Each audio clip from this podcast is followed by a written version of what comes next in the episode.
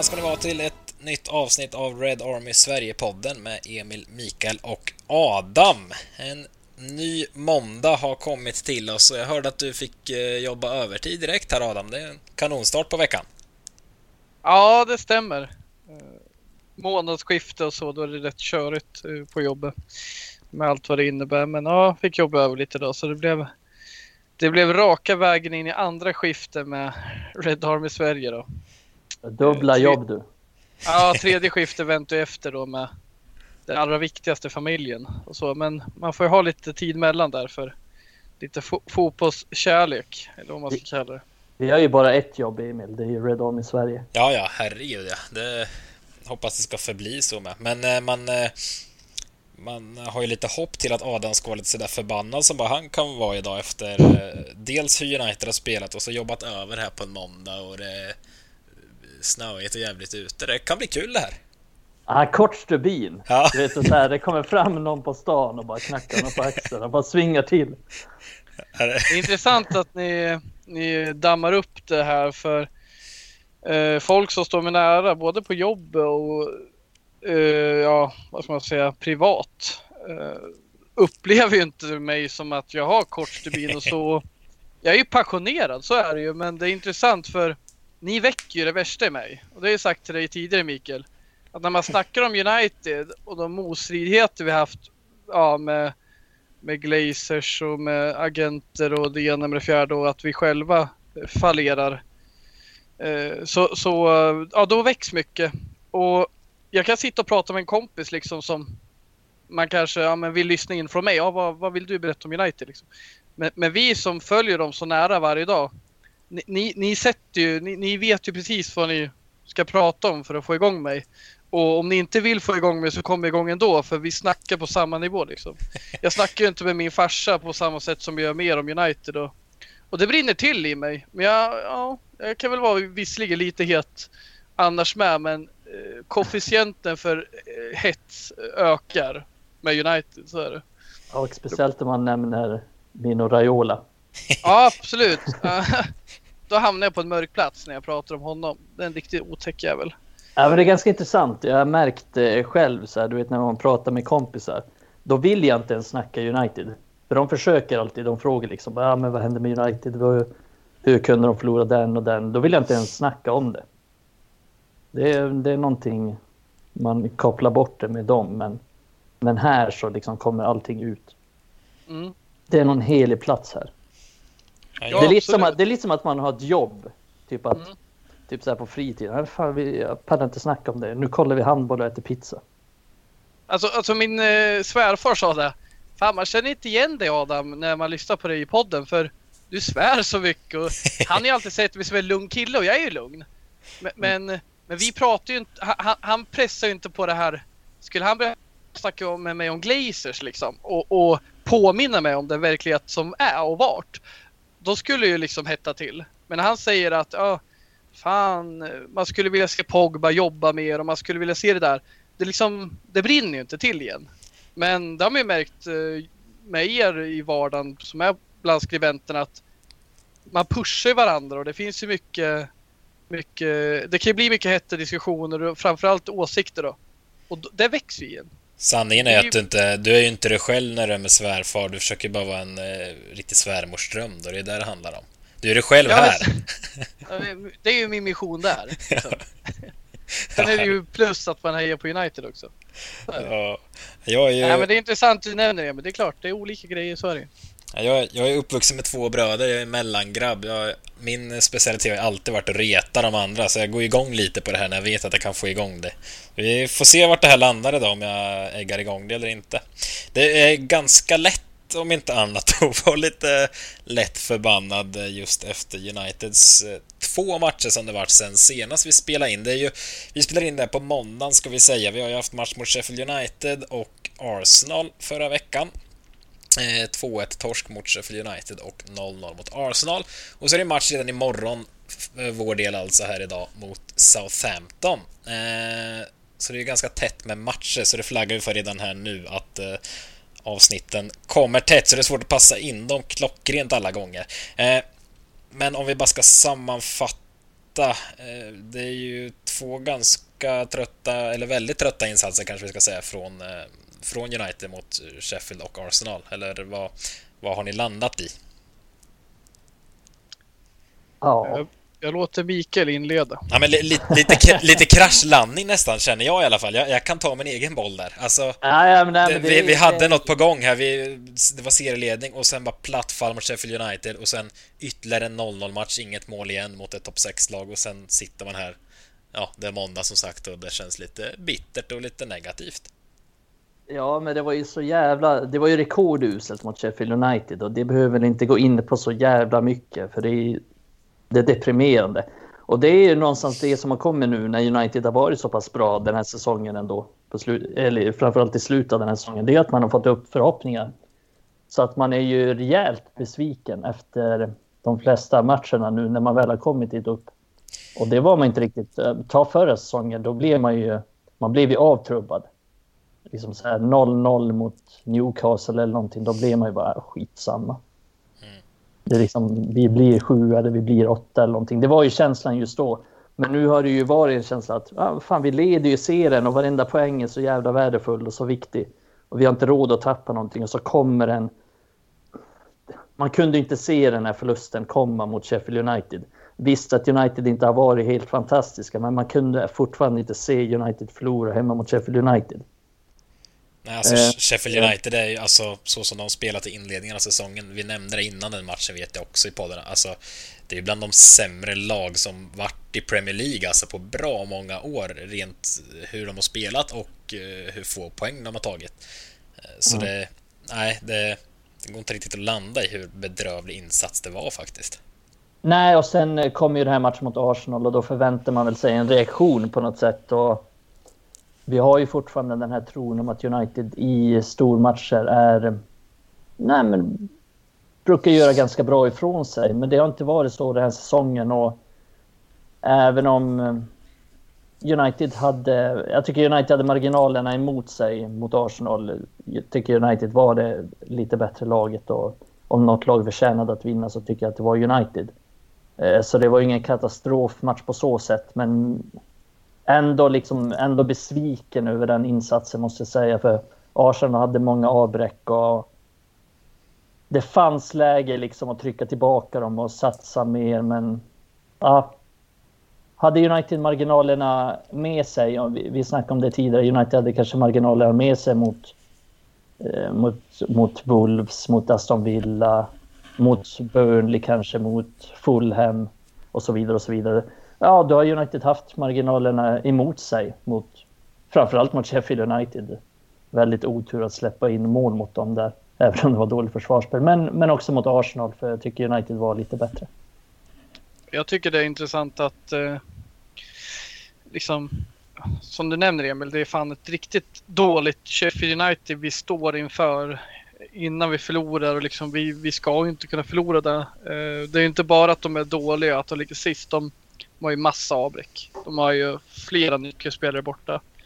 Eh, samma i Arsenal och det är väl det jag tycker är signifikativt för båda de mötena att jag skulle inte vilja säga att det är underskattning mot Arsenal. Eh, men mot Sheffield United är det uppenbarligen så. Och liksom det är som att det här kommer vi det här kommer vi städa av bara. Och, och den inställningen är livsfarlig i Premier League. Oavsett lag. Vi har ju sett olika topplag i den här upplagan som förlorar mot eh, usla lag liksom. Ja, för så dåliga är inte Sheffield United. Även om de har få poäng och är kanske det sämsta laget i serien. Även om jag faktiskt tycker att West Bromwich är sämre, om jag ska vara ärlig. Deras, uh, ja, så, så är det ju så i Premier League. Det är, underskattar vi dem, då kommer de att ta poäng av United. Och jag håller med. Ställde bara ut skorna i den matchen. Ja, och deras liksom resultat och insats har ju varit sämre än Derby Counties som har varit den historiskt sämsta i Premier League. Men deras material är ju år före det Derby hade. Det är alltså, de har ju fått värva förra året, de har fått värva det här året. Så det, man, kan inte, man kan inte ställa ut skorna som vi gjorde. Däremot mot Arsenal är intressant. De saknar Saka, de saknar Aubameyang, de saknar Tierney. Det är jätteviktiga mm. spelare för dem. Och ändå så får vi inte till det. Och där håller jag med dig Mikael. Marginalen hade vi inte med oss och jag tycker faktiskt vi gör tillräckligt för att vinna den matchen. Men mm vi bommar ju sådana jävla bra lägen. Och jag tror att hade Cavani, jag tror var du som nämnde Mikael, jag tyckte det var bra skrivet liksom. Hade Cavani varit Rashford där, det hade ju blivit jävla liv. Eller Martial framförallt. Ja. Cavani bommar extremt mycket och jag vill inte göra något av det. Jag tror vem som helst kan ha en sån match. Martial har haft lite för många sådana matcher den här säsongen. Men ja. Cavani, nej fan. Det, det, ska bara vara mål. Vi gjorde tillräckligt helt enkelt. Mm. Tycker jag. Ja, det är de två som har bommat mest den här säsongen. Det är Cavani och Martial. Även om folk vill få det till att Rashford har bommat mer än dem. Men, men så är ju inte fallet. Cavani har faktiskt missat en hel del och jag vill inte heller göra någonting av det för att jag är ju av åsikten att alla anfallare, världsklass eller inte, missar bra lägen. Jag såg en, eh, såg en Youtube-video på alla Lewandowskis missar förra säsongen. Jag tror han missade tre liksom så helt öppna mål bara i ligan förra säsongen. Så alla anfallare missar, även om man tänker att man har ju den irrationella åsikten att ja, men Mané, han sätter ju allting. Men Liverpool-fansen har ju samma diskussion som vi har. Fan, de är inte effektiva nog. Men um, i den här matchen så håller jag med. Vi skapade tillräckligt för att vinna och sen, ja, Cavani var inte... Lite otur, för jag kan ändå inte säga att det ska vara liksom att det är 100% mål för att det, bollen kommer ganska snabbt vid ett läge och vid ett annat läge så tycker jag faktiskt att han gör det bra men han, han missade en halv cykelsparken där och det må vara hänt. Men eh, ja, det är lite, det som jag sa, det är lite marginalerna emot oss den här gången. Men det jag kan störa mig allra mest på här nu när vi tappat fem poäng på två matcher här eh, alltså det hade varit en sak om Sheffield United gjorde sin, sitt livsmatch liksom. De stod på huvudet och alltså de var verkligen kalasbra utifrån sin måttstock. Och likaså Arsenal, om de hade spelat fantastiskt. Men det är ju, vi faller ju på eget grepp liksom. Det, det är United som är för svaga, framförallt mot Sheffield. Men även mot Arsenal, det är ingen eh, klang och jubelföreställning, även som, om, som ni säger att vi skapar mest lägen. Men alltså Arsenal, alltså de har Rob Holding och David Luiz som mittbackspar. Vad är det för något? Cedric Suarez som vänsterback. Vem är det liksom? Martinelli, Smith Rowe, Pepe som inte gjort någon glad sedan han kom. Alltså det, det är inte Arsenal som är Arsenal om ni förstår vad jag menar. Alltså Förstår ni vad jag är ute efter? Alltså, vi faller ja, bara på ja, eget alltså, grepp verkligen. Det är det som är så sjukt irriterande. Och många av spelarna ser ju helt ointresserade ut. Alltså, framförallt kanske mot Sheffield liksom. Rashford, Martial, alltså det, det är ju så de ser inte ut att bry sig och som du sa där Mikael, man förväntade sig en motreaktion mot Arsenal. Alltså, gå ut och liksom, okej okay, om ni inte spelar bra, men liksom kör över dem. Fan, ta ett rött kort nästan någon alltså. Nej, men alltså, någonting måste ske. Det är jag som sitter och blir förbannad. Adam håller sig lugn. Det här är inte bra. Men, äh, ja, men jag blir så trött på att det liksom, det är helt och hållet vårt eget fel. Det är vi som inte är tillräckligt bra och man har liksom, vi ledde serien och hade tokbra läge för att bara gasa här, spöa skiten i Sheffield Arsenal. Men nej, nu sitter vi här och är arga. Ja, det är intressant. Alltså, jag tycker vi gör, som sagt, jag tycker vi gör tillräckligt sett insatser mot Arsenal för att få ett poäng. Uppenbarligen inte i och för sig, som att vi inte vann, men, men att eh, där tycker jag ändå insatsen var, ja, den var inte tillräckligt, men jag, jag tycker vi ska kunna vinna matchen. Sheffield United har vi inte en chans mot. Och det, det är väl den stora frustrationen att Filia Gelka kan vikariera och göra det skitbra. Men han får ju bara se bra ut för att vi är så jävla... O, eh, vi har sån oskärpa liksom. Ja, det är det som är det, som är det värsta. Alltså en poäng och den här insatsen mot Arsenal isolerat. Det är inte så dåligt. Men det blir extra dåligt med tanke på den insatsen som gjordes mot Sheffield United. Och det är det som är problematiskt. Och det är mm. det som är oroväckande. Det är att det inte kommer någon reaktion och att det är liksom två halvdana matcher där man tappar poäng i båda. En poäng på de två matcherna, det är, det är inte bra. Och, och, det här är intressant historiskt. Eh, det har skett en enorm utveckling eh, på de senaste månaderna och det här kanske man inte behöver göra något av. Men det har förändrats. Pogba har blivit bättre, fler spelare kliver fram och så vidare. Vi har haft bättre konkurrens. Men Alltså historiskt känns det som att de här riktiga skärpningarna, det har inte skett efter en, två raka matcher. Det är ju snarare att eh, Solskär har blivit kritiserad som när han har haft eh, kniven mot strupen, då har vi ju inlett bra sviter, bra in, eh, perioder av insatser.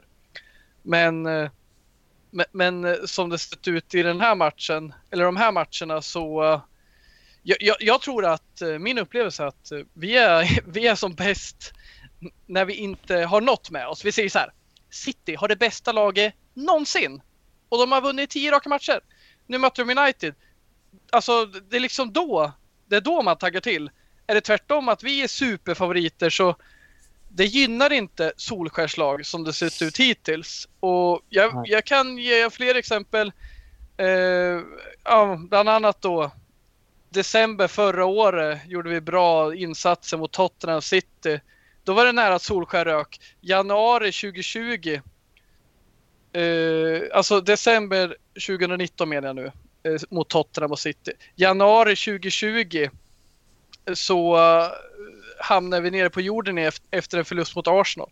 Förlorade snart mot Liverpool igen och det började knorras.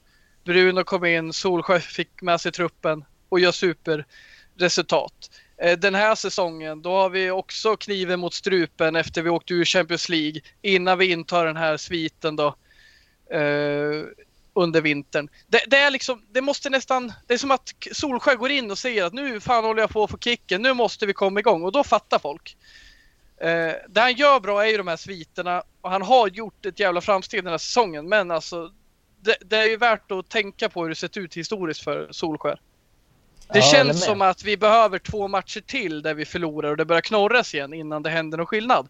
Nu, nu får vi se när det här spelas in, eller när, här, när folk lyssnar på det här och kanske vi har mött Southampton och gjort en jätteinsats. Men jag vill bara påminna lite om historiken här.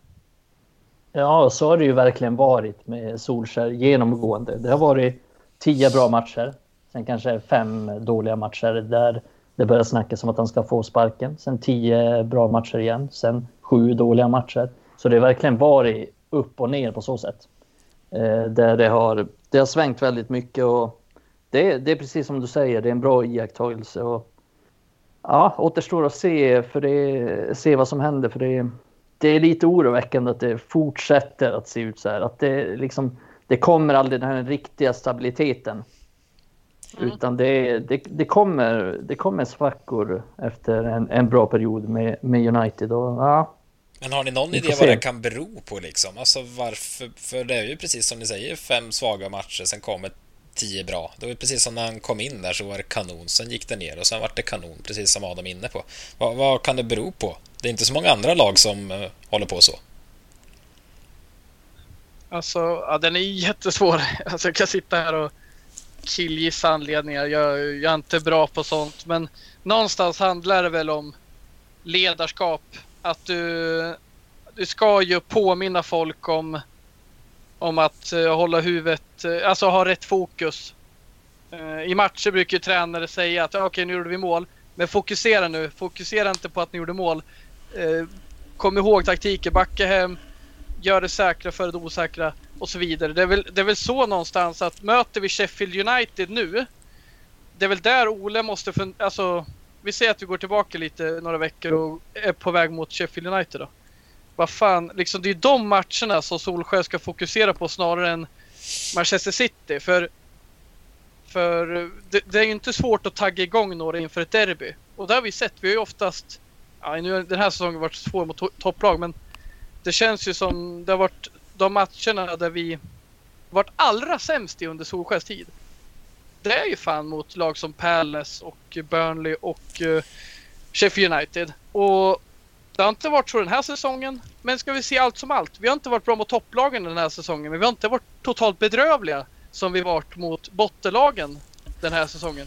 Det är i alla fall min upplevelse. Ja. Tottenham är en, en avvikelse. Men det var ju också, jag tror inte det hade sett ut som det gjort om vi inte fått rött kort. Men jag, jag tänker också att det är lite Alltså mot topplagen, även om det gått bedrövligt den här säsongen mot topp 6. Vi har gjort ett mål på sex matcher eller sju matcher eller vad det är. Eh, och inte tagit en seger mot topp 6-lagen. Men där upplever jag ändå inte att det liksom är inställningsfråga mot lag som Sheffield United och så vidare. Där är det ju verkligen...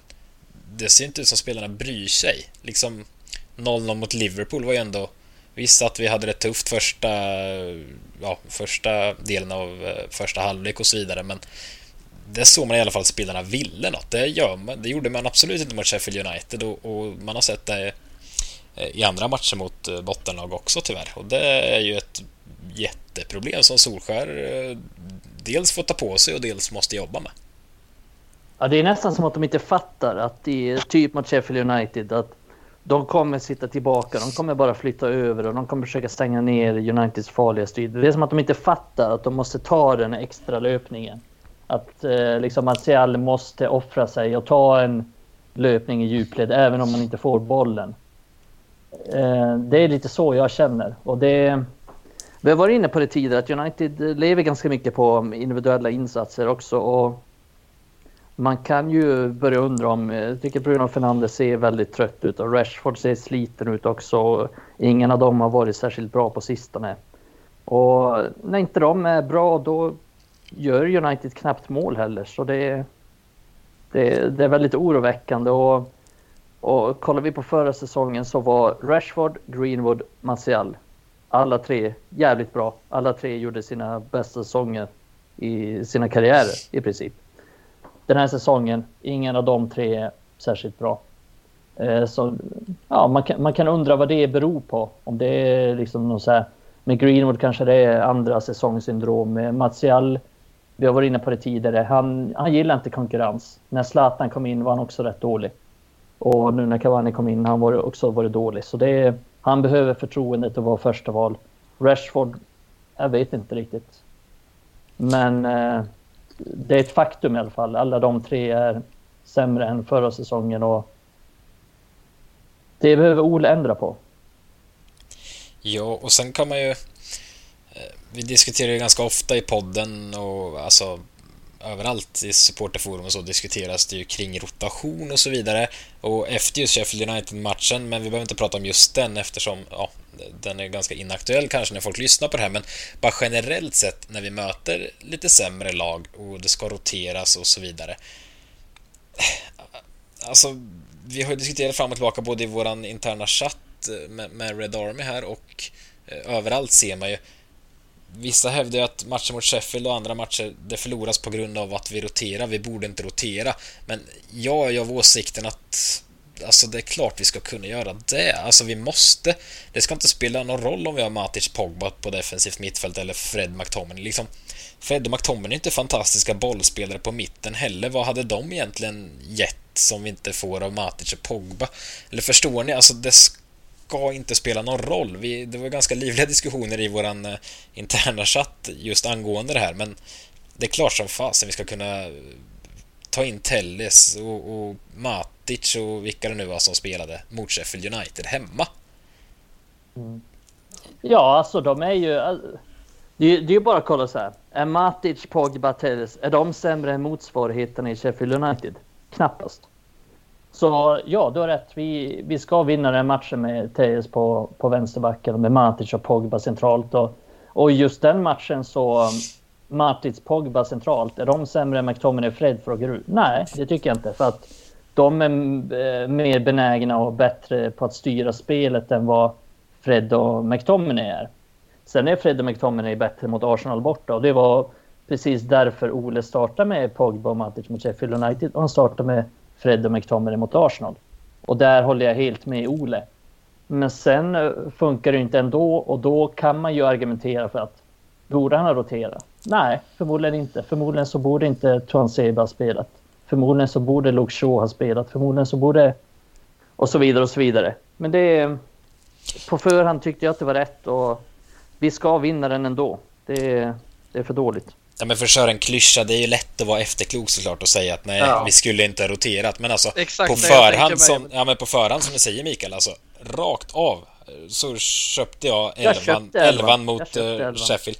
Ja, kanske Martial hade ju varit bedrövlig redan innan så, men ja. Men jag köpte det också ja, faktiskt. Faktiskt, jag, ja, jag förespråkar ju det och jag sa det. Det, det här är för, det är för dåligt motstånd för att vi ska vara rädda för Martial.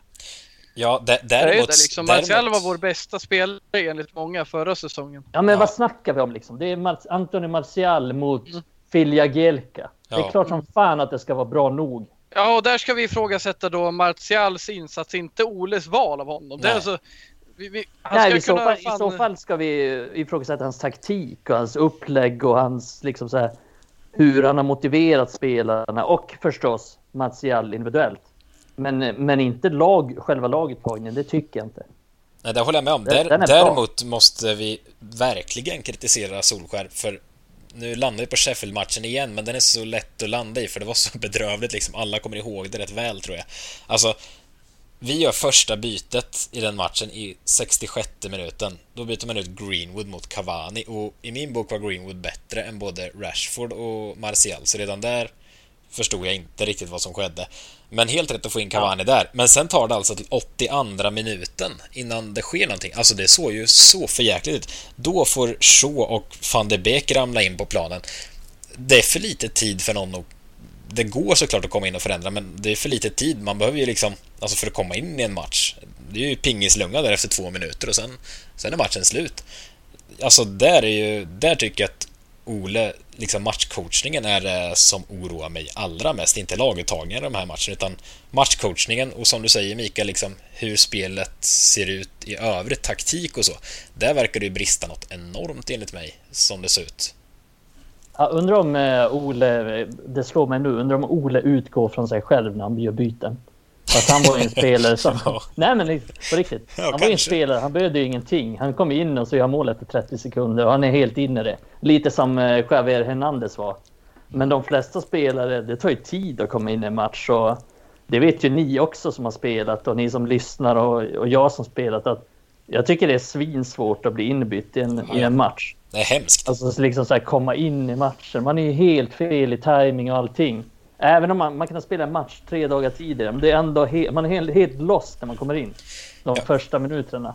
Så det är, jag tycker han gör för sena byten där och sen det med Greenwood ut direkt. Det, det är rätt provocerande faktiskt för att han gör alltid det bytet. Och det, det är lätt att ta det bytet för honom. Det är liksom lite så här mobbingbyte. Det är bara, han är enklast att ta ut, han gnäller minst om han blir, blir utbytt och sen Sen snackar ja, men Solskjaer måste ju släpa ut Martial efter ja, exakt. matchen. Om, han sitter och gråter i omklädningsrummet. Ja. Han, alltså, det, det, är ju någonting sånt. Det är, ju, alltså, han våg, ja, det, det, är intressant. Exakt, och sen snackar han ju mycket om att Greenwood ska liksom komma igång. Ja, han behöver speltid för att komma igång och han behöver förtroende för att komma igång. Ja, men han är ju fortfarande den som blir utbytt direkt. Någonting händer. Han är den sista liksom och han är den första att bli utbytt, han är den sista liksom, att bli inbytt. Han blir inbytt ganska sent oftast. Mm. Så eh, det är lite märkligt och speciellt med tanke på hur dålig eh, Martial har varit den här säsongen. Och sen ska jag inte säga att Greenwood har varit särskilt bra, men, men eh, så är det ju. Jag gillar det du var inne på att det är svårt att komma in i en match. Speciellt är det ju när ett lag spelar väldigt dåligt. Om jag då ska hoppa in i, och mitt lag spelar dåligt, då är det ju svårt att komma in och bara förändra matchbilden alltså sådär med ett knäpp när du kommer in. Alltså då behövs det lite tid. Få in de här två, tre nya spelarna på planen som kan börja röra om och liksom. Det tar lite tid. Om man däremot gör ett inhopp liksom när det är flyt, man dominerar matchen, då är det mycket, mycket lättare att komma in och liksom ja, bara rida på vågen för den inby in, inbytaren heter det inte. Vad heter det? Avbytaren som kommer in. Inbytaren, Inbytaren. avbytaren, det är ju avbytaren, avbytartång eller? Ja, jag vet inte vad det är mycket nu. Men eh, nej, så det är ju lite min ståndpunkt. Går, alltså har spelet gått i stå, då måste man våga göra tidigare byten. Vad har man att förlora liksom? Trodde han att Marcial skulle hosta till där det var fantastiskt sista halvtimmen? Det, nej, det ja, är han, problematiskt. Han är väldigt reaktiv som manager. Mm. Och det, det var ett tag sedan vi snackade om det, men vi snackade om det i de första poddarna tror jag. Att han är väldigt reaktiv, att han, han förändrar först.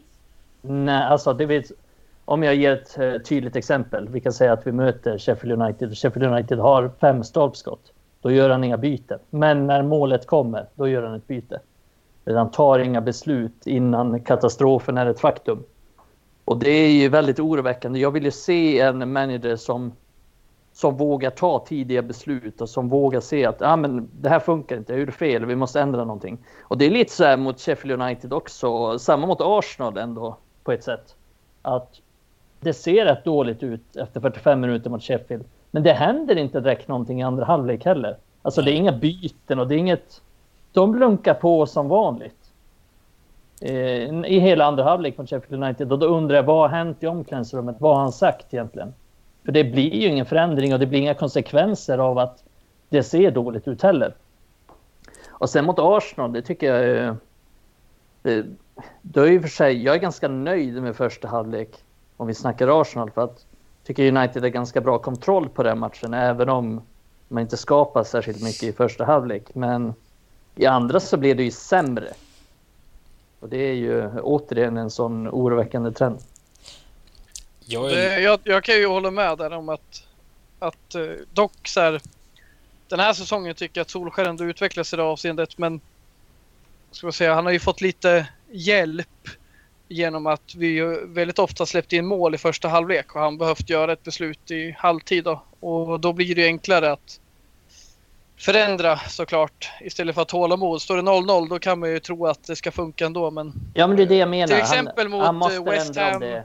Exakt, han måste ändra för att det blir underläge. Ja och oavsett så har han gjort rätt val då när han Ja, har valt absolut. att byta in dem jag har gjort så jag vill ändå hylla den processen men fortsatt tycker jag också du nämner bra sak där man skulle vilja se mer den här proaktiviteten. Nej, jag är fan inte riktigt nöjd.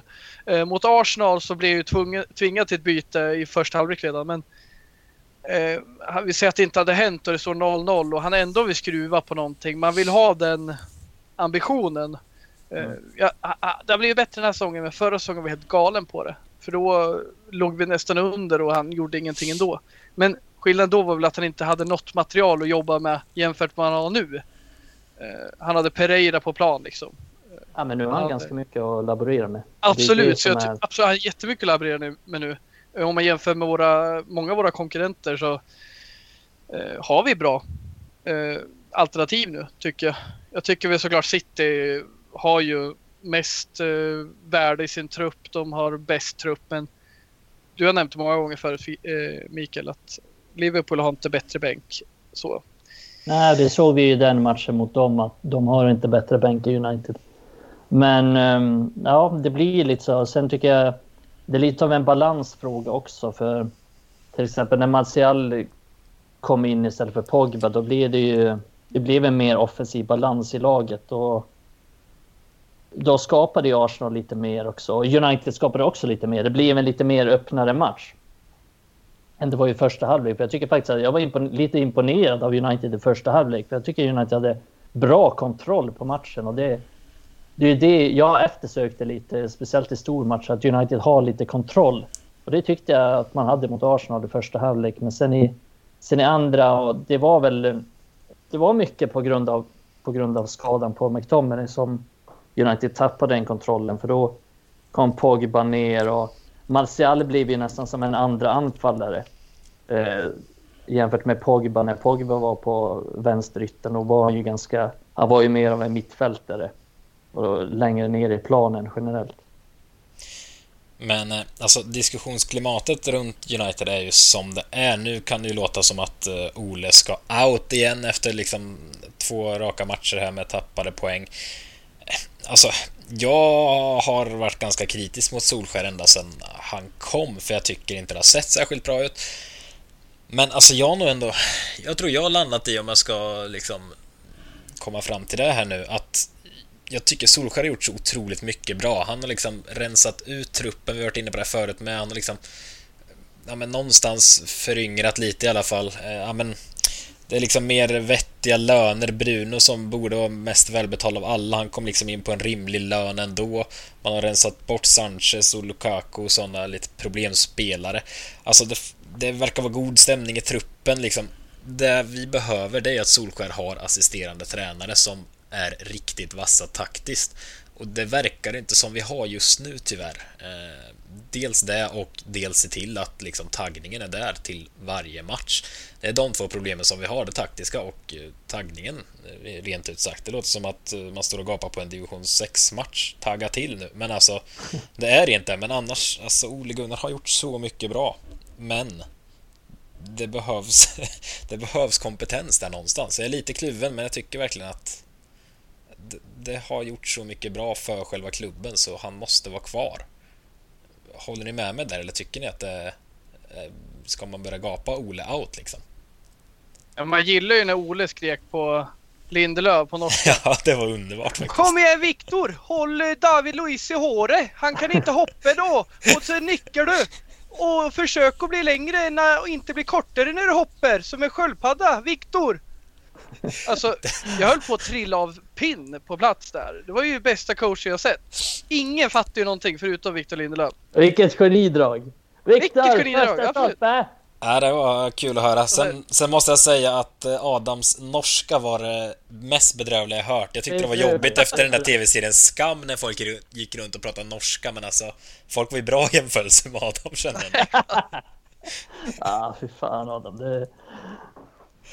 Nej, det var... Det var, det var sådär. Nej, men för att återgå till, till sakfrågan. Jag har ju varit väldigt Ole-kritisk och jag är fortfarande av åsikt att jag tror inte att Ole kommer vinna någon stor titel med United. Sen är jag ju helt med det där att Ole ska ha mycket cred för saker han har gjort. Och han, har, han har byggt en bra trupp tycker jag. Han har byggt en bra stämning i truppen och så. Men sen, jag tycker inte att han har tillräckligt i sig för att liksom, ta United till nästa, nästa nivå. Och sen är det ju alltid svårt att säga Ole out, ja. Men vi ska ha en ersättare också. Och det, det beror ju alltid på. Finns det en ersättare ledig som liksom är som klubben verkligen tror på som kan fortsätta det här bra bygget som Ole har börjat bygga på. Ja, då ser jag gärna att den personen kommer in, men finns den personen? Det vet jag inte.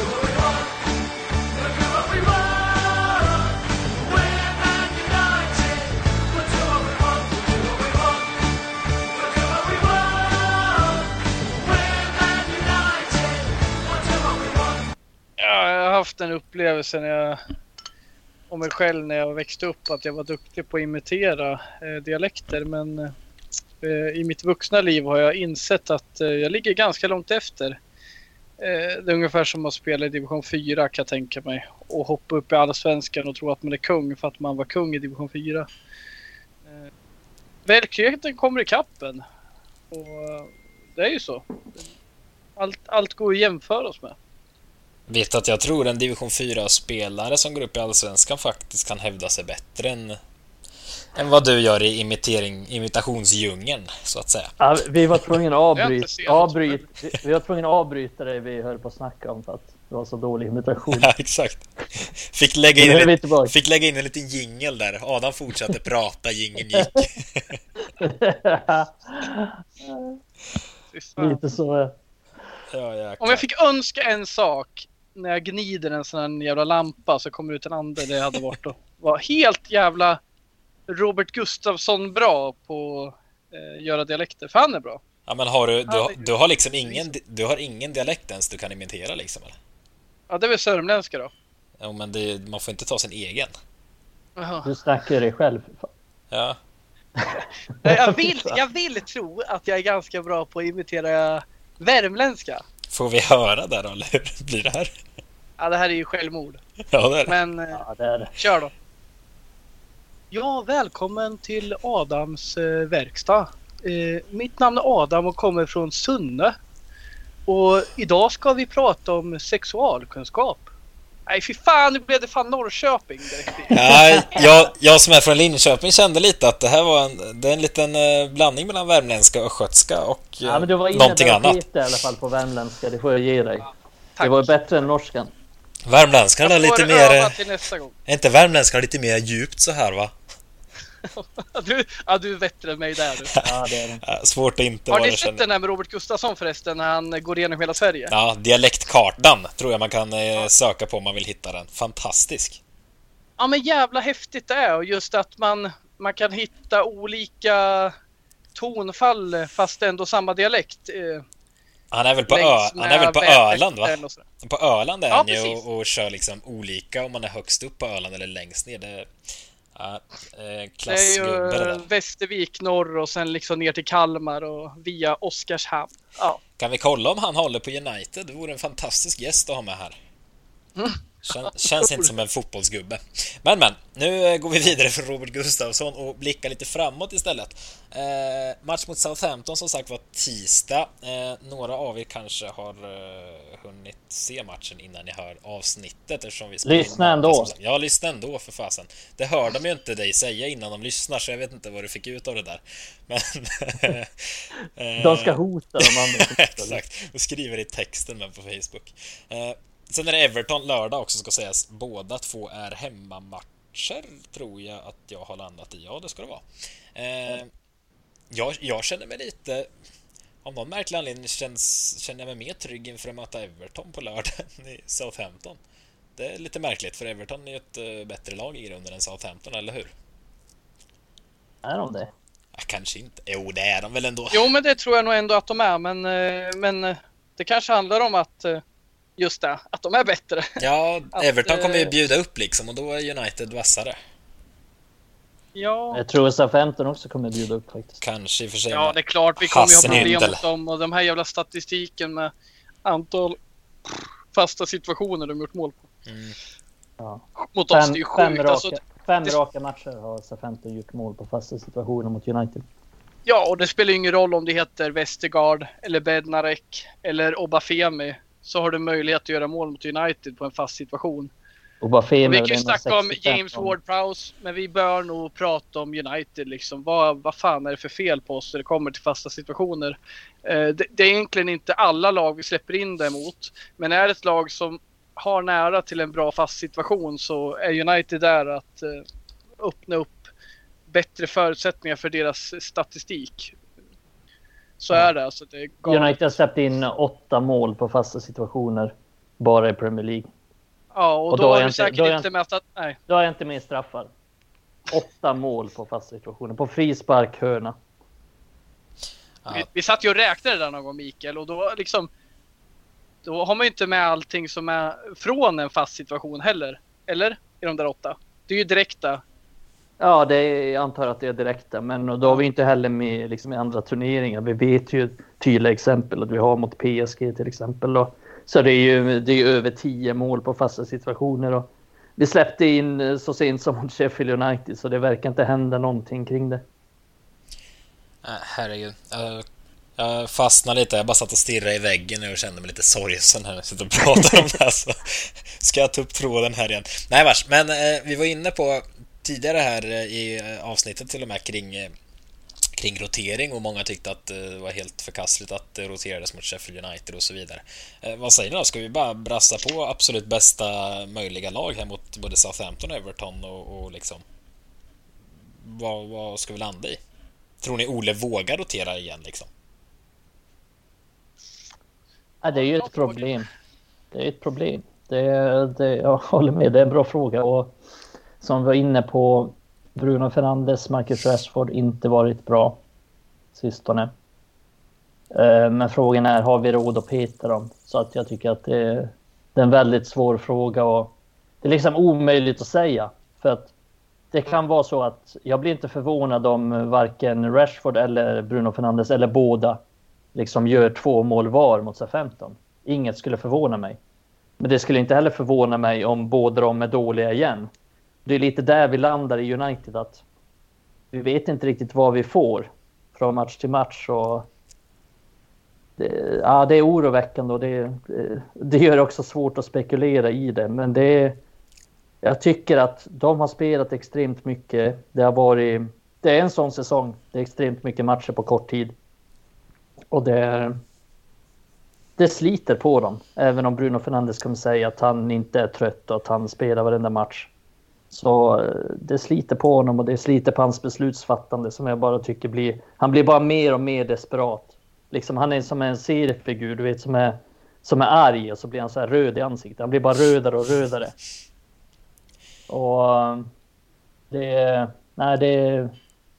Jag tycker det är svårt att spekulera i det för vi har inga formstarka ersättare heller och van de Beek som kanske är en ersättare till Bruno Fernandes har inte visat någonting direkt heller så oroväckande skulle jag säga.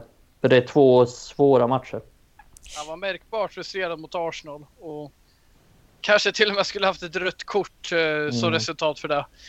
Uh, jag, liksom, det funkar inte just nu och jag ser väl att mot ett starkt lag som SA-15, det finns inget annat än att starta Bruno.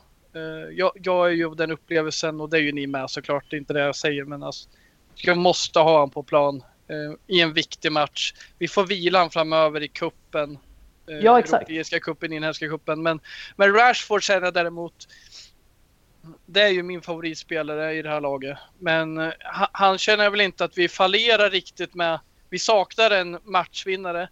Men att vi kan få ihop liksom en, en bra tvåa eller trea där uppe beroende på formation utan honom. Eh, men då tänker jag då att skulle vi till exempel köra en eh, diamant som vi gjorde sist mot dem, då skulle vi kunna ha Greenwood och Cavani på toppen.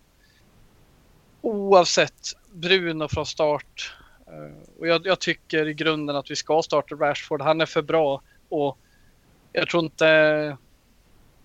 Jag tror ingen annan spelare på samma position gör det bättre. Nej. Eh, och det hade jag inte sagt om Martial var i form, för han är ett sånt alternativ.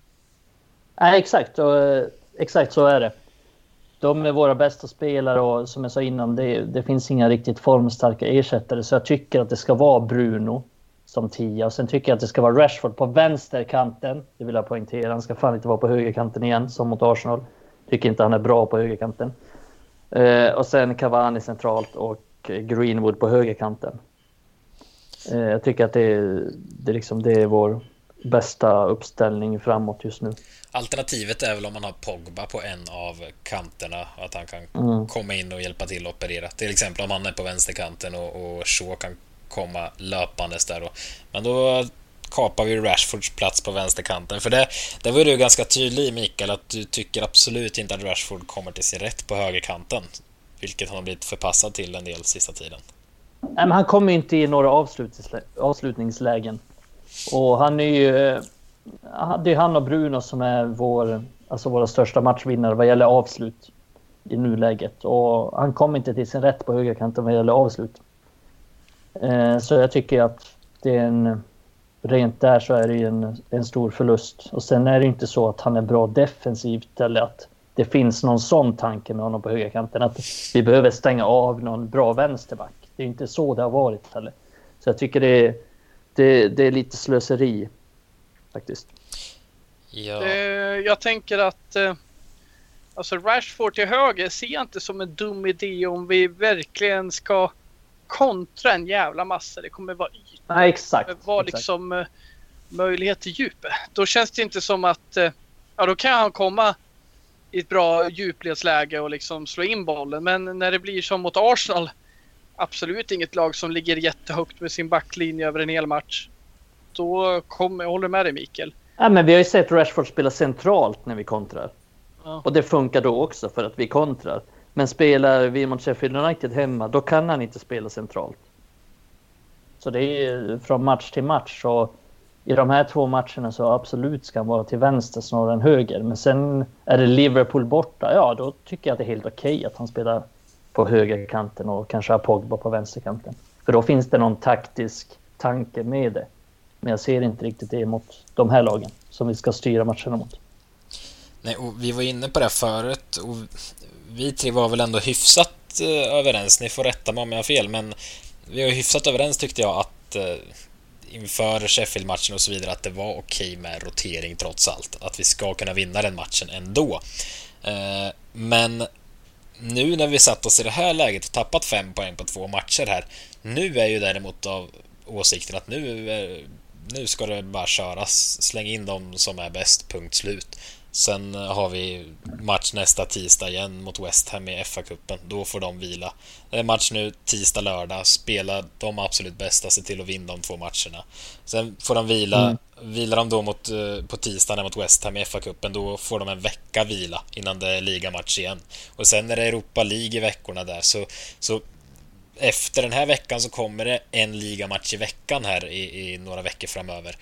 Och då är det där vi absolut ska lägga krutet tycker jag. Då, då köper jag argumentet att vi inte ska rotera i det här läget. Men eh, ja, det beror på vilket läge man är i. Och nu med ja. facit i hand skulle vi som sagt var inte roterat. Men nu i läget vi ligger så ska vi inte heller rotera. Nej, Nej men det beror ju lite på så här, liksom, vad det är för typ av matcher och vad, vad, man, vad man ska satsa på. Och tidigare tycker jag att det var tydligt så här. Jag skiter fullständigt i Europa League. United har redan vunnit Europa League en gång. Och innan United vann den, då var jag sugen på. För det är enda titeln United aldrig hade vunnit. Det var Europa League. Annars har United vunnit allting som finns att vinna historiskt och liksom alla turneringar. Men, men nu känner jag liksom så här, när vi har vunnit den att jag bryr mig inte så mycket om den. Och jag ser gärna att vi spelar in unga talanger i, i den typen av turneringar när vi väl åkt ut Champions League. Eh, så jag ser ingen riktig mening med att satsa stenhårt på Europa League igen. Och mm, FA-cupen, visst. Jag kan se en poäng och satsa på den och vinna en titel. För Solskjaer har inte vunnit någon titel, men samtidigt, vi har fortfarande ett bra läge, alltså så här, teoretiskt i ligan och då vill man ju ändå satsa allt på den. Mm. Och det är lite så jag känner. Jag vill ändå påminna om eh, tillvaron, förutsättningar som varit. Alltså vi, Solskjaer gjort det fenomenalt bra under vintern och rotera sitt lag. För han har behövt rotera oavsett om det varit liga eller cup. Det är inte så att han har kunnat kört 100% i ligan och garanterat haft med sig Martial Shaw på resan. Det har varit helt rätt val. Han har gjort det bra. Men nu har vi kommit till en punkt att den här he he hektiska vinterperioden är över. Och nu som du säger Emil, det börjar bli mer ordinarie. Där man är van vid en gång i veckan liksom. Och kupper då. Det är då man ska rotera. Men jag vill ändå påminna om det. Det har varit en förutsättning men nu, nu går det att tänka om. Jag, jag kan bli lite frustrerad när jag tänker på det just att rotationen var kanske inte rätt mot Sheffield United. Men rotation i sig är magstark tycker jag att kritisera. Det har faktiskt varit till vår nytta som gjort oss serieledare. Vi hade aldrig varit serieledare utan den rotationen. Och hade vi varit det så hade vi sett ut som Liverpool i backlinjen eh, när vi ingick in i januari. Ja, men tidigare, det, alltså, vi har suttit och både vi och många andra med. Alltså, man har ju hyllat Solskär att han, men till exempel som han har matchat eh, eh McTominay, Fred och sen snurrat in och kört Matic Pogba där och fått utdelning för det i rätt typ av match och sen tillbaka med Fred mm. McTominay. Vi har ju hyllat det och nu när han går på en mina, mm. ja, som sagt, det är lätt att vara efterklok men alltså Nej, vi har hyllat hans rotering. Jag tycker den har varit bra. Jag kan inte sitta här och spy galla över det i efterhand faktiskt. Det... Nej, där, Nej, och, och där backar jag Olle. Och vi, vi har liksom fyra Premier League-matcher med, med en vecka emellan och kuppmatcher. Och Solskär då roterar i varje ligamatch. Att det liksom inte det är fem, fyra spelare i varje match. Då förstår jag. För då har vi, ett helt, då har vi en helt annan spelplan att jobba med. Då börjar man ju fundera, är han en Tinkerman liksom? Kan han inte bestämma sig? Ska han bara göra om nu för att göra alla nöjda? Det är skillnad. Men att säga att han liksom roterar för mycket under perioden. Fan, han har haft hur mycket matcher som helst. Och han har bra spelare på bänken som behöver matchas in. Och han har gjort det bra. Mot Sheffield blev det fuck up, men jag vill ändå påpeka att det handlar om att eh, spelarna var fel, inte rotationen i sig. Det kanske var fel att köra Martial den matchen, eller Tuansede. Det var inte fel att han roterade. Det kanske låter diffust, men det kanske handlar om vilka spelare spelade snarare än att han roterade. Och det är lätt att peka på rotation, för det blev väldigt markant. Men vi mötte också det absolut sämsta laget. Vi ska fan i mig kunna vinna mot dem. Nu hette jag till Emil. Ja, det är bra. Det, det, gillar jag. Men eh, alltså på tal om rotering, vi har pratat om Tuan Sebe.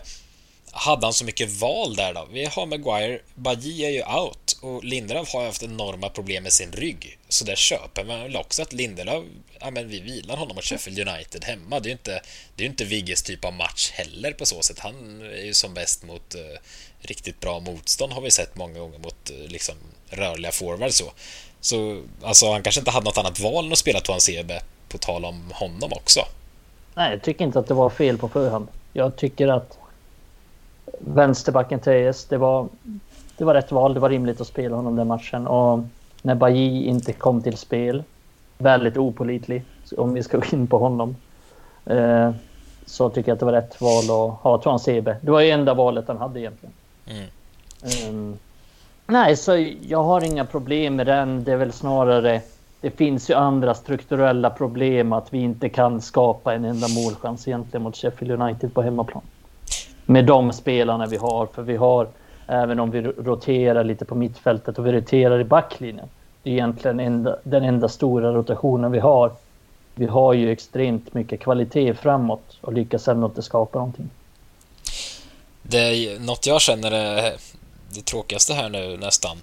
Jag har ju suttit flera, flera avsnitt i rad här i podden och, och, gapat om att jag har fått tron tillbaka på det här laget. Jag sitter och ser matcherna och bara känner att det är lugnt, vi avgör. Jag får tillbaka den känslan. Fick men, du den känslan mot Sheffield United? Det fick ja, inte jag. Nej, alltså där satt jag ändå i början var så här, men det, det här är nog lugnt alltså. Men sen, det, det, bara, det var ju som pyspunka och nu sitter jag här och har ingen tro alls. Jag tror vi torskar mot Southampton på tisdag. Nej, jag, jag... Det är så kul Emil, jag tänkte inför den här inspelningen att jag vill minnas att Emil satt inför Sheffield United sa jag, det känns inte som att vi kan förlora. Nej, exakt, jag sa det. Och nu, äh, men vet du, vad jag, vet vad jag sa mot innan Sheffield United? Jag visste inte ens om det själv, men det var en eh, uppmärksam lyssnare som... Alltså direkt efter Maguires mål mot Sheffield United så var det en lyssnare, jag kommer inte ihåg namnet tyvärr, förlåt, som uppmärksammade att jag sa att Maguire skulle göra mål snart. Ja, det gjorde du. Det minns jag med. Men, äh... Så det, det, det, får jag ta på mig. Nej, men det är, det är lite... Nej, men det är lite intressant. Det är någonting med Old Trafford, eller hur?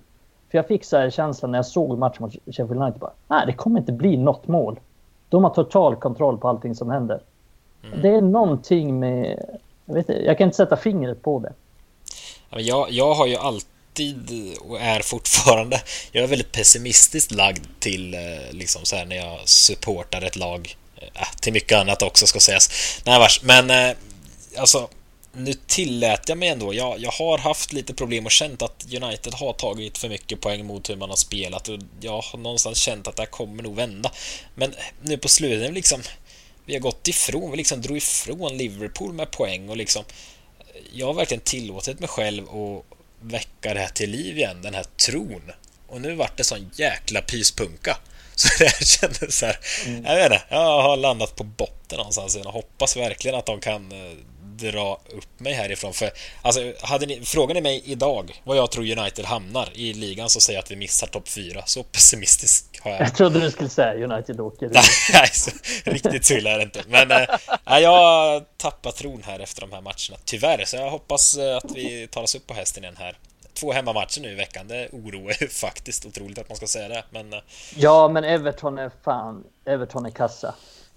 Ja. De, eh, de må ligga ganska bra till i ligan, men de är fan dåliga. Det får ni... United vinner den matchen. Jag hoppas det. Som sagt var, det är bättre känsla inför Everton än inför Southampton av någon Ja, det håller jag också med om. Jag är mer orolig för Southampton. De yes. har någon slags eh, grundtrygghet och, ja. och, och, spel i alla fall. Everton tycker jag inte har mycket av någonting. Nej. Egentligen. Eh, vi ska gå vidare och landa lite. Det är ju januari här. Eh, deadline day idag faktiskt när vi spelar in det här. Men eh, det går vi väl inte igång jättemycket på i år. United kommer med... Det hade varit en riktig kioskvältare om det ramlade in någon värvning här nu framåt småtimmarna.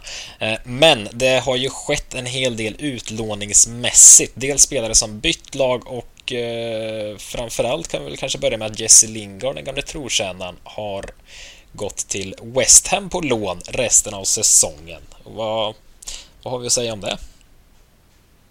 Ja, men det är ganska... Um, United har väl kanske försökt bli av med honom lite i smyg så här och Jesse Lingard har väl tryckt på själv för att vilja bli utlånad och det fanns ju några alternativ med till exempel Sheffield United som ville ha honom och Newcastle som ville ha honom men han var ju själv ganska ovillig att gå till ett till ett lag som slåss om att försöka hålla sig kvar.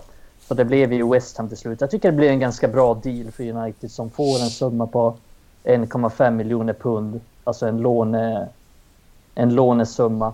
Plus att West Ham betalar lönen. Och jag ser inte så mycket förlust med det.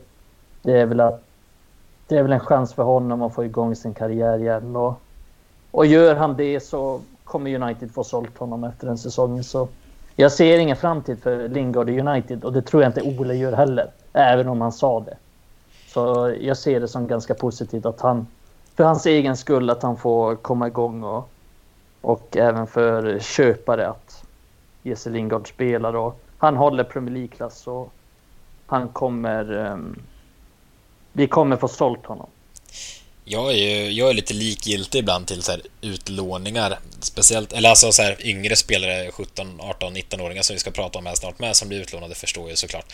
Men jag brukar vara såhär, jaha, ja ja, nu lånat ut den nissen liksom. Men Lingard, fasen jag vill honom väl ändå. Jag hoppas verkligen att uh, han hittar någonting i West Ham och, och gör succé. Alltså det, han är värd det någonstans. Visst, han är inte världens bästa fotbollsspelare, men där har vi en kille på tal om liksom inställning, så han har ju alltid gett allt när han är på planen och alltså...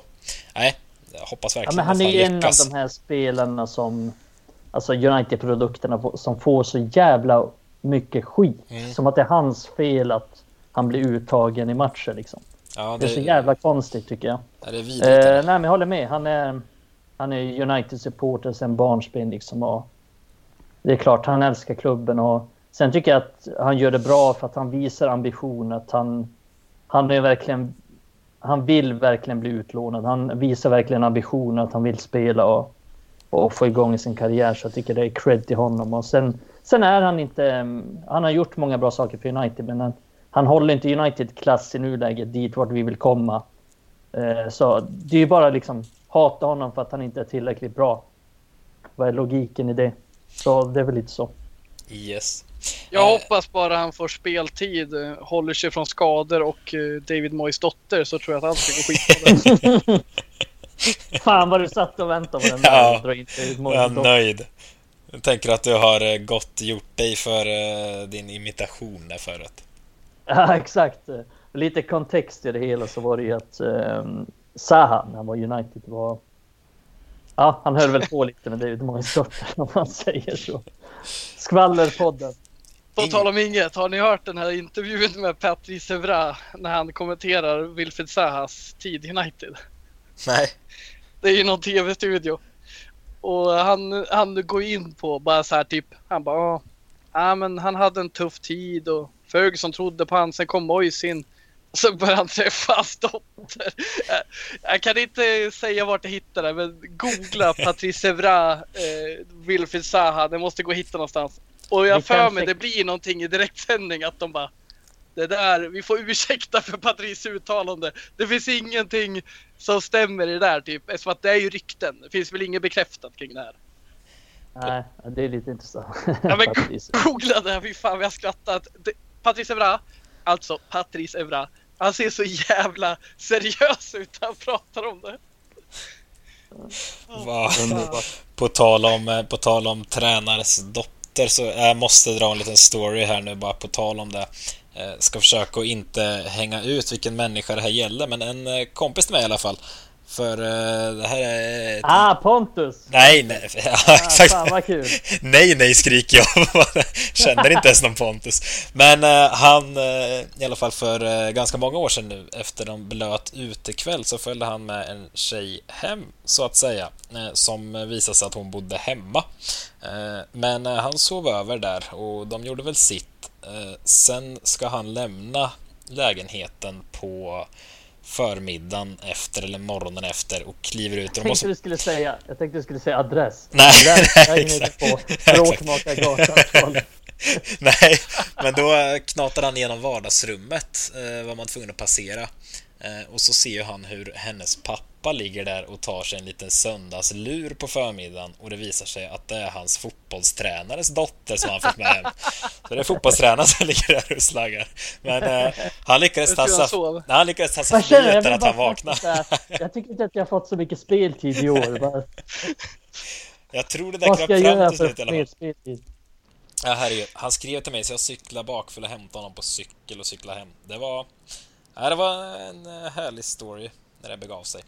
Eh, jag vill bara säga snabbt att går man in på Youtube och skriver Patrice Evra Saha så hittar man det eh, klippet från eh, Sky Sports där de får ursäkta Patrice Evra i direktsändning för att han kommer med lite otydliga uppgifter. Ja, det är För övrigt fantastisk egen. anekdot, Emil. Ja, det var det. Det var kul. Eh, jag skrattar än idag. Min kompis, hoppas han lyssnar på det här. Han vet vem han är i så fall. Din kompis. ja, exakt. Vet tränaren ja, vem han är? Eh, jag tror det här kröp fram till uh, tränaren faktiskt. eh, till slut av med. Men eh, han spelar inte fotboll längre den här killen. Eh, nu, nu, har jag, nu, har jag hängt ut, nu, har, nu har jag hängt ut honom nästan.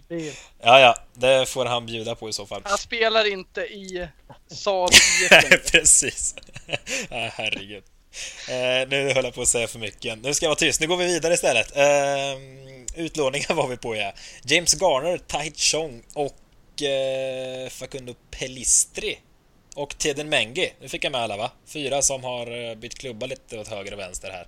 Eh, utlåning. Mikael, du brukar ha bra koll där. Vart eh, vill vi börja? James Garner kanske Eh, Eh, han har väl kanske fått mest eh, uppmärksamhet i A-laget, i alla fall tidigare, varit inne och smugit i lite kupper och så. Han var ju i Watford och fick väl rätt mycket speltid. Sen eh, kom en ny tränare och sen har han inte fått vara med så mycket. Ja, precis. Han var ju ordinarie under förre tränaren, men sen kom en ny tränare in i slutet av december. Och sen dess har inte Egon fått någon egentlig speltid överhuvudtaget.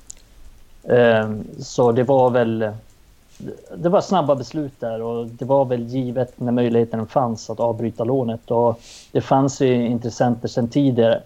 Både Nottingham Forest och Queens Park Rangers visade stort intresse innan han gick till, till Watford.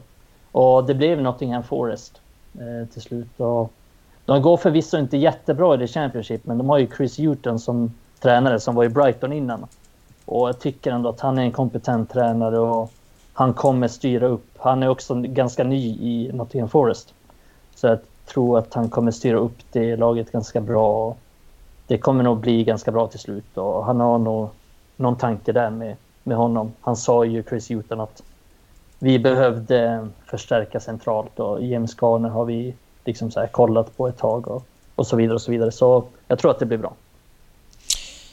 Yes, för James Garner var väl ändå du har ju bättre koll på de unga spelarna. Mycket bättre koll ska sägas, men han kändes, det jag har sett av honom, känns jäkligt intressant ändå. Eller skulle nästan kunna erbjuda något nytt på innermittfältet mot vad vi, vad vi har idag. Eller är jag ute och cyklar då?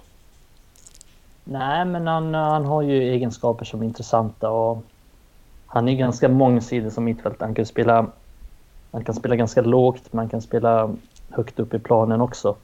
Så han är ju en, en spelare som jobbar, jobbar hårt och är en bra passningsspelare. Ganska rivig och, och så. Så han har många bra egenskaper som skulle komma till nytta. Så jag tycker det även om det inte blev eh, helt lyckat i, i Watford, som ändå är ett topplag och har de har bra alternativ centralt, så han, ändå, han har fått spela innan den nya tränaren kom in, så han har fått bra erfarenheter ändå. Så det var, ingen, det var inget slöseri liksom. Sen är det ju trist att att han var tvungen att avbryta det, men det blir nog bra det här. Yes, eh, vidare så Tai Chong har ju lämnat Werder Bremen i Tyskland och landat i Belgien och Klubb Brygge och där har väl faktiskt möjlighet att få Europa League-spel va? De är väl i, mm. vad det nu är, 16 del eller 72 delsfinal eller vad fasen det är alltså. Men eh, de är väl där? Ja, de är väl i 16 del ja. Nej, men det... Ja, det var lite problematiskt tycker jag det på förhand när gick till Werder Bremen och Även om de inte är liksom ett topp fem lag längre i, i Bundesliga så är de ju ändå att de är ett Bundesliga-lag och är generellt håller hög kvalitet såklart. Men han har bara startat fem matcher den här säsongen. Han har gjort ett mål och tre assist och han har haft det ganska tufft. Grejen är ju med Chong tycker jag att han, han behöver... Fan, det låter som en klyscha, men han behöver speltid för att utvecklas Eh, mer än många andra till och med tycker jag, för att han är ganska omogen fortfarande. Och det sa ju Bremen faktiskt i uttalandet efteråt också, att de vet att han har potential men att han behöver mogna. Så ja, jag tycker det är lite märkligt att han gick dit från första början, men det kan vi släppa. Um, så det, jag tycker det är bra att han går till Klubb Brygge. Han kommer spela ett offensivt lag som ja, men de dominerar. De leder ligan och de dominerar alla matcher de, de spelar. Och han kommer få speltid och han kommer få spela Europa League också. Så att jag ville på förhand, redan innan säsongen, tänkte jag, så skrev jag att jag hoppas att han går till något lag i Holland, du vet så här PSV Eindhoven eller någonting. Där han liksom får chansen att spela A-lagsfotboll, för det är det viktiga med honom. Att han får chansen att, att utvecklas mot män, så att säga. Eh, så jag tror att det blir, det blir ganska bra det här. Jag tycker det är, är jävla bekymmer att han inte klarar sig ändå i Werder Bremen. Det ska ja. inte kräva så mycket. Alltså, det, och då utgår jag inte från hans kvalitet. Där har du bättre koll Mikael. Men just att vad jag ändå förväntar mig av en spelare som ska komma in i United ska fan inte ha problem med Werder Bremen liksom. Nej, men du har ju sett honom i United när han kommer in. Alltså han är så jävla rå i sitt spel. Alltså han, han har ju han har ju perioder där liksom saker stämmer för honom, men också perioder där han där man känner att han knappt kan slå en två meters passning för att han inte vet vilket beslut han ska ta. Och det är det han behöver utsättas för i A-lagsfotbollen och det är det han har fått för lite av. För det han har spelat i United, det är den enda A-lagsfotbollen han har haft innan det här. Så han, han, behöver verkligen få regelbunden speltid och lära sig den typen av spel, för det är annorlunda spel jämfört med ungdomsfotboll. Eh, sen har vi Pelistri som eh, ramlade in i United här i, det var väl i slutet av sommaren va? Eh, ska mm. till Spanien och bli lagkompis med John Guidetti i Alaves. Deportivo Alaves tror jag väl Andy att de heter. Man har inte mm. dunderkoll på den klubben kanske om det inte var så att Guidetti spelade där. Men... Eh, du har koll därför? Ja, exakt. Men eh, spanska ligan, kan det passa honom tro? Ja, i teorin så tycker jag att spanska ligan passar honom ganska bra. Sen är det ju lite problematiskt att Deportivo och Alaves är en, de är ju indragna i bottenstriden och det var väl inte oväntat på förhand heller att de kommer vara slåss i botten och det kan ju göra det svårt. Liksom det är så en, en inlånad spelare. Det är kanske inte prio liksom att spela in, bara ge honom chansen när han inte levererar. För levererar han inte, ja då kommer han förmodligen bli bänkad ganska snabbt. Eh, för det är ju tufft och det är tränaren ska behålla sitt jobb och klubben ska, ska behålla sin plats i La Liga och så. Så det är, jag tycker det är, det är lite, lite oroväckande på förhand måste jag säga. Men som, som jag sa innan också att båda klubbarna måste ha någon tanke med det så jag får väl lita på det. Men eh, det är inte så många som har sett eh, Pelistri antar jag av United-fans så kanske inte ni heller ens. Nej. Eh, jag har scoutat sedan några år tillbaka. Men... du har scoutat sedan några år. Du åkte dit det... till och med och såg honom. När han var det är ju som för alla andra. Man hör om ryktet, går in ja. på Youtube, flyger av stolen av häpnad.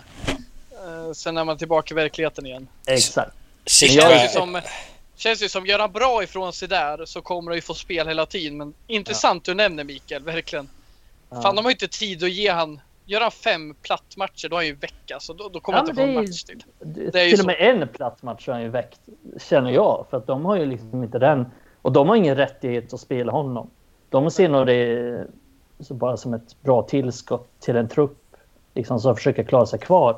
Och ska vi gå in lite på hur han har spelat. Jag har ju sett åtta matcher med honom och det är de enda mm. åtta matcherna jag har sett med honom. I, han har spelat U23 då.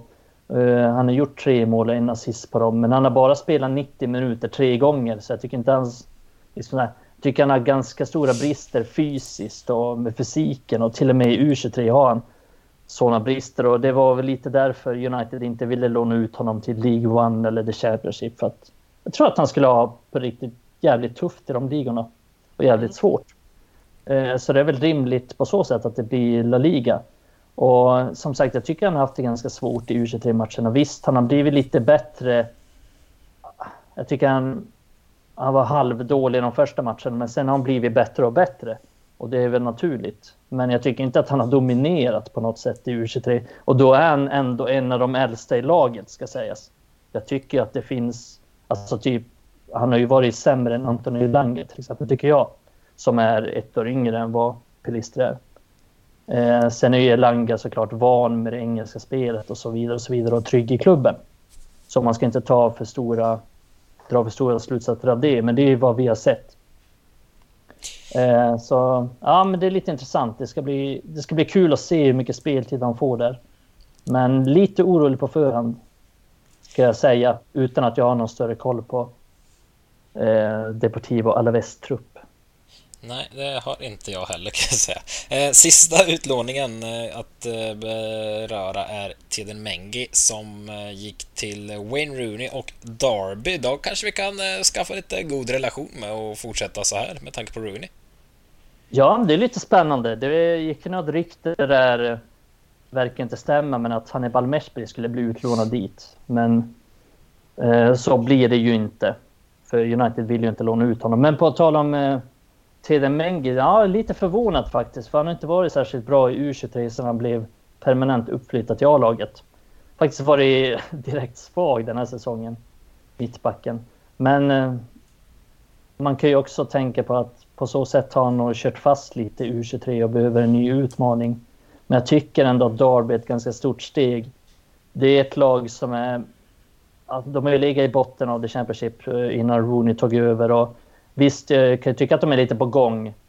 Och de har ingen dålig trupp så, men jag tycker ändå att det är lite stort steg. Han är bara 18 år också och ska spela mittback.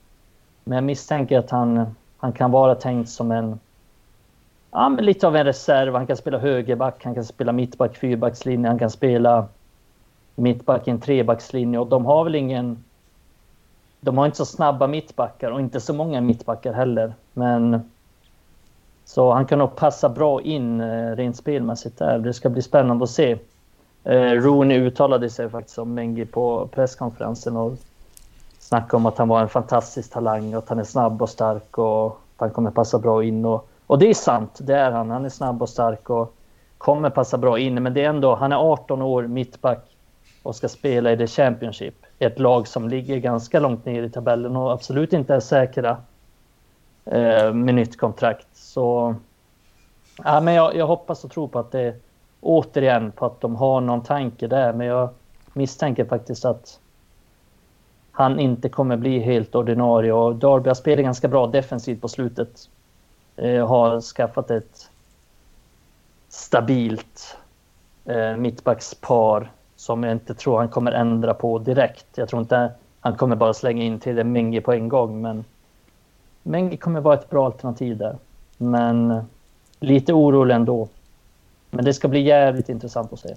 Det som är intressant med just val av Derby det är att de har egentligen inte förstärkt några mittbackar de senaste åren. Med förstärkt du menar alltså öka kapaciteten de har. De har ju Curtis Davis, de har Matt Clark. Det är en spelare som är på väg utåt, bra spelare, men en som är ganska medioker i Championship. Jag tror faktiskt att Mengi kan få mer speltid, men det är som du säger Mikael. Wisdom och Clark spelar. Precis. Högerback Wisdom. Mm. De har George Evans som är mittfältare i grunden. Det är liksom, han har fått trolla lite med knäna och fixa det bra på sistone. De har bra form. Ja. Darby, de har ingen, men... Exakt, de har ingen bra bredd på mittbackar där. Nej, och det vore alltså som du säger. Jag tror absolut Rooney initialt kommer fortsätta med den här eh, duon eller trion han kör med. Han kör ju ofta med Wisdom och Evans som en av två av tre mittbackar. Men spännande att han får komma dit och som du har förklarat Mikael innan alltså, han, han har inte gjort sin bästa säsong Mengi. Så jag blev lite förvånad men jag med kortet på bordet. Han kanske vill ha in och renodlat där och det vore jävligt kul om han fick möjligheten. Det är en stor mm. möjlighet och egentligen fan det, det känns som att uh, Darby är ett rätt val.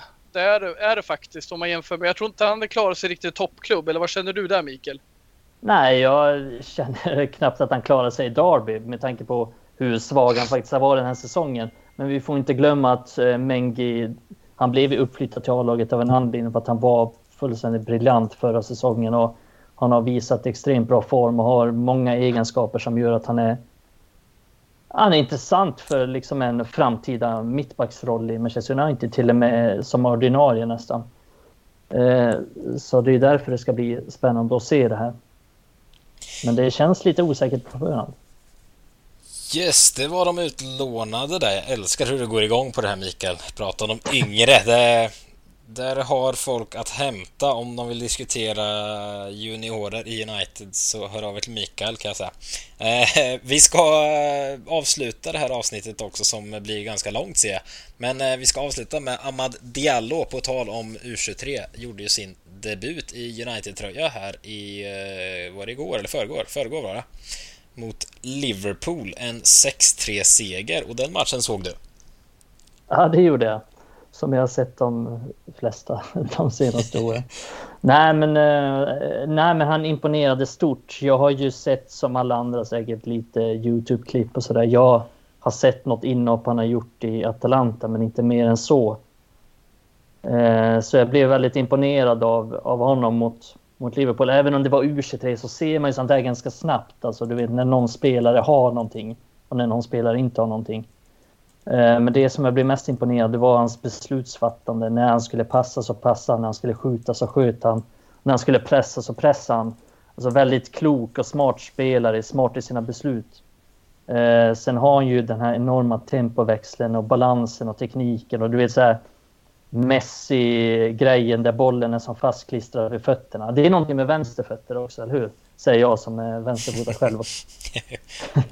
Nej, men jag blev extremt imponerad av honom och det kanske låter drastiskt, men fan, jag tycker att han ska in så snabbt som möjligt i A-truppen och konkurrera. Så redan nu så slänger jag hellre in honom i en match där, måste, där vi måste vända än jag slänger in Daniel James. Så jag ser faktiskt ingen anledning att vänta med att ha honom i, alltså åtminstone på bänken. Men Ole kommer ju förmodligen vänta två, tre matcher. Jag tänker väl att kanske West Ham i FA-cupen, att då kanske blir första gången han är med på bänken. Men ja, det är 90 minuter som jag har sett av honom och jag är, jag är fan övertygad. Det här är en riktigt, riktigt bra spelare och jag tror att han kommer lyckas i United. Har han potentialen att bli världens bästa spelare i världen? Alltså egentligen så har han ju den potentialen. Alltså, sen ska jag inte säga att han blir det. det är väl, oddsen är väl ganska stora på att, han inte, på att han inte blir det. Men jag... Alltså United betalar väldigt mycket pengar för honom. Och jag ser det som det jag såg av honom. Och visst, jag drar på stora, stora trumman nu, men fan, jag blev sjukt imponerad och det är en sån här spelare, du vet, man ser på en gång att okej, okay, han är klass. Han är mm. klass i allt han gör, liksom. Varenda touch, varenda beslut. Och vi får inte, vi får inte glömma det. Han är, han är 18 år. Han är... Ehm, det, det är så sjukt, för när han kommer in i U23, då är han... Okej, okay, han är inte en av de absolut yngsta, men han är ändå liksom så här, en i mängden där, rent åldersmässigt. Han är liksom medelåldern i U23 och han är helt överlägsen i allting han gör. Och det ser ut som att han är liksom en, en Messi som kommer in på den nivån. Så det är, jag är väldigt imponerad av honom och jag tror att det kommer bli en stor spelare. Men om någon eh, nyfiken här nu går in och kollar liksom matchfakta från den här matchen, eh, Diallos debut, så måste vi kanske bara beröra också att Joe Hugil, uttryck, eh, uttalar man det så? Hugil? Ja, men det är väl Oklart. Eh, han gjorde i alla fall fyra mål för United i den matchen mot Liverpool. Var det bara en once in a lifetime match för honom eller eh, vem är det då? Nej, det, det, är det väl inte. Men det är, jag ska bara lite sidospår först. Det var lite kul för Ole fick ju den frågan på presskonferensen om, om Diallo och så här. När, såklart fick han den. När ska han upp i A-lag? När ska han? Och då sa han ju, ja, jag såg ju den matchen mot, mot Liverpool, men och att döma den matchen, ja, då ska jag ta in Joe Hugel istället på, på planen. och ja, det är väl rimligt att han sa så. Lite kul, men eh, ja, verkligen. Han eh, kom, Det är en Striker som kom, han kom ju från Sunderland under sommaren. Och han har ju faktiskt gjort sensationellt mycket mål sedan han kom. Han, gjorde, han har gjort sex mål och en assist på fyra starter i U18. Och så har han gjort åtta mål och en assist på sex starter i U23. Så han har inte direkt haft det svårt när han väl kommit in. Han är ju en... Alltså han är, han är ganska lång och gänglig. Och inte liksom så här, det är inte så att man ser honom och så tänker man wow, vilken spelare. Man är, han är lite så här smygbra som jag tycker att typ Harry Kane är. Om ni förstår vad jag menar. Att han, han är liksom så här, han är tillräckligt snabb för att hinna först på dem. om det kommer en djupledsboll mot en mitt, mittback. Det är inte så att han bara rycker förbi honom, men han är tillräckligt snabb för att vara först på den och vara först på att avsluta. Och han är en eh, han är extremt, bra anfall, eh, extremt bra avslutare. Och han gjorde verkligen ett klassmål mot Liverpool som ni kan kolla på highlights. Där han får bollen eh, nästan lite bakom sig. Han behöver vrida hela kroppen och få ändå till ett riktigt hårt avslut med bredsidan som går upp i nättaket.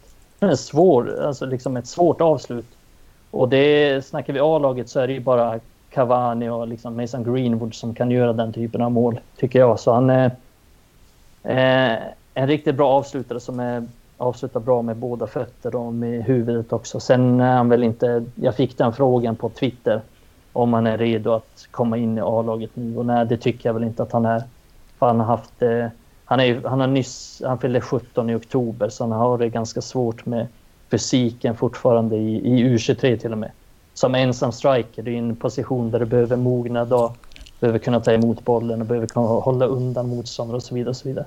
så nej, han är inte riktigt redo, men en väldigt intressant spelare. En av många intressanta spelare i ungdomslaget. Yes, alltid lika intressant att höra lite lite avstämning från eh, juniorverksamheten också. Eh, det var nog allt vi hade för idag. Jag kollar ner på min lilla klocka här som tickar jämt när vi spelar in och vi är snart uppe i en och en halv timme.